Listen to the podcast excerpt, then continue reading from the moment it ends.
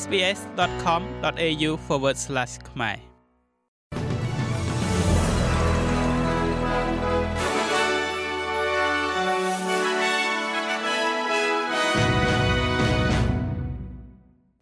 សូមស្វាគមន៍មកកាន់នេតិព័ត៌មានខ្លីៗរបស់ SBS ខ្មែរសម្រាប់ថ្ងៃអង្គារទី24ខែតុលាឆ្នាំ2023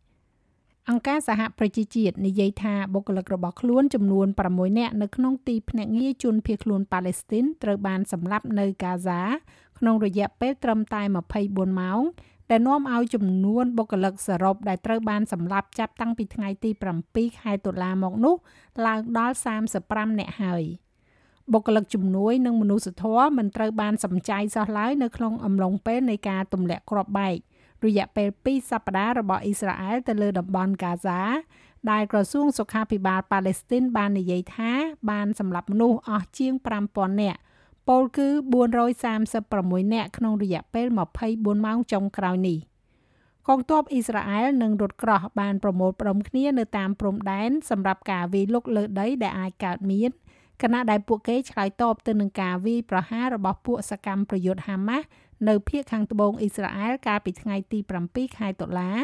ដែលក្រុមហាម៉ាស់បានសម្លាប់មនុស្សអស់1400នាក់និងចាប់ចំណាប់ខ្មាំងចំនួន222នាក់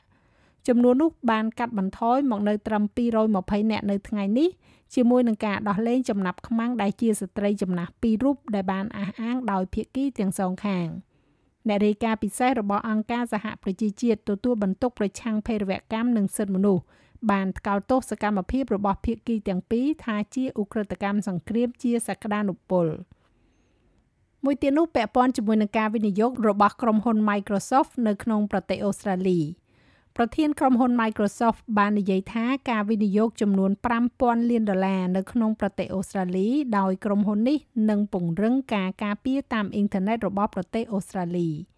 នៅក្នុងសេចក្តីប្រកាសដ៏សំខាន់ជាលើកដំបូងនៃដំណើរទស្សនកិច្ចរបស់លោកនាយករដ្ឋមន្ត្រី Anthony Albanese ទៅកាន់សហរដ្ឋអាមេរិកនៅថ្ងៃទី24ខែតុលានេះគឺជាការវិនិយោគដ៏ធំបំផុតតែមួយគត់នៅក្នុងប្រវត្តិសាស្ត្រ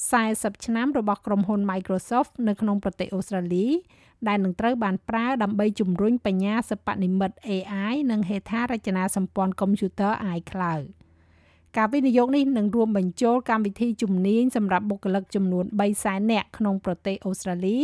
ដែលលោកនាយករដ្ឋមន្ត្រីនិយាយថានឹងជួយដល់អូស្ត្រាលីនៅក្នុងការបង្កើតការងារនាពេលអនាគតនិងទាញយកអត្ថប្រយោជន៍ពីទីតាំងរបស់ខ្លួននៅក្នុងតំបន់ Indo-Pacific ដែលមានកំណើនចំនួនប្រជាជនលឿនបំផុតនៅលើពិភពលោក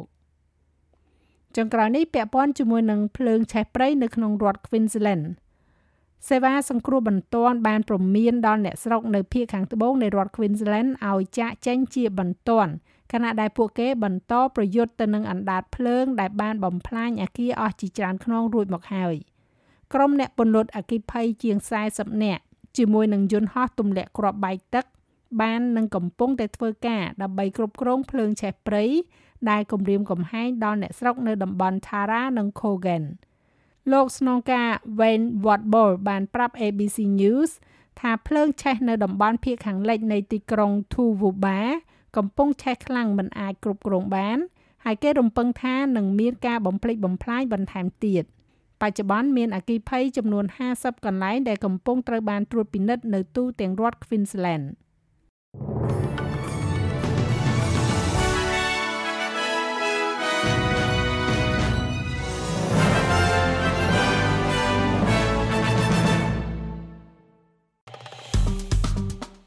like share comment និង follow SPS ខ្មែរនៅលើ Facebook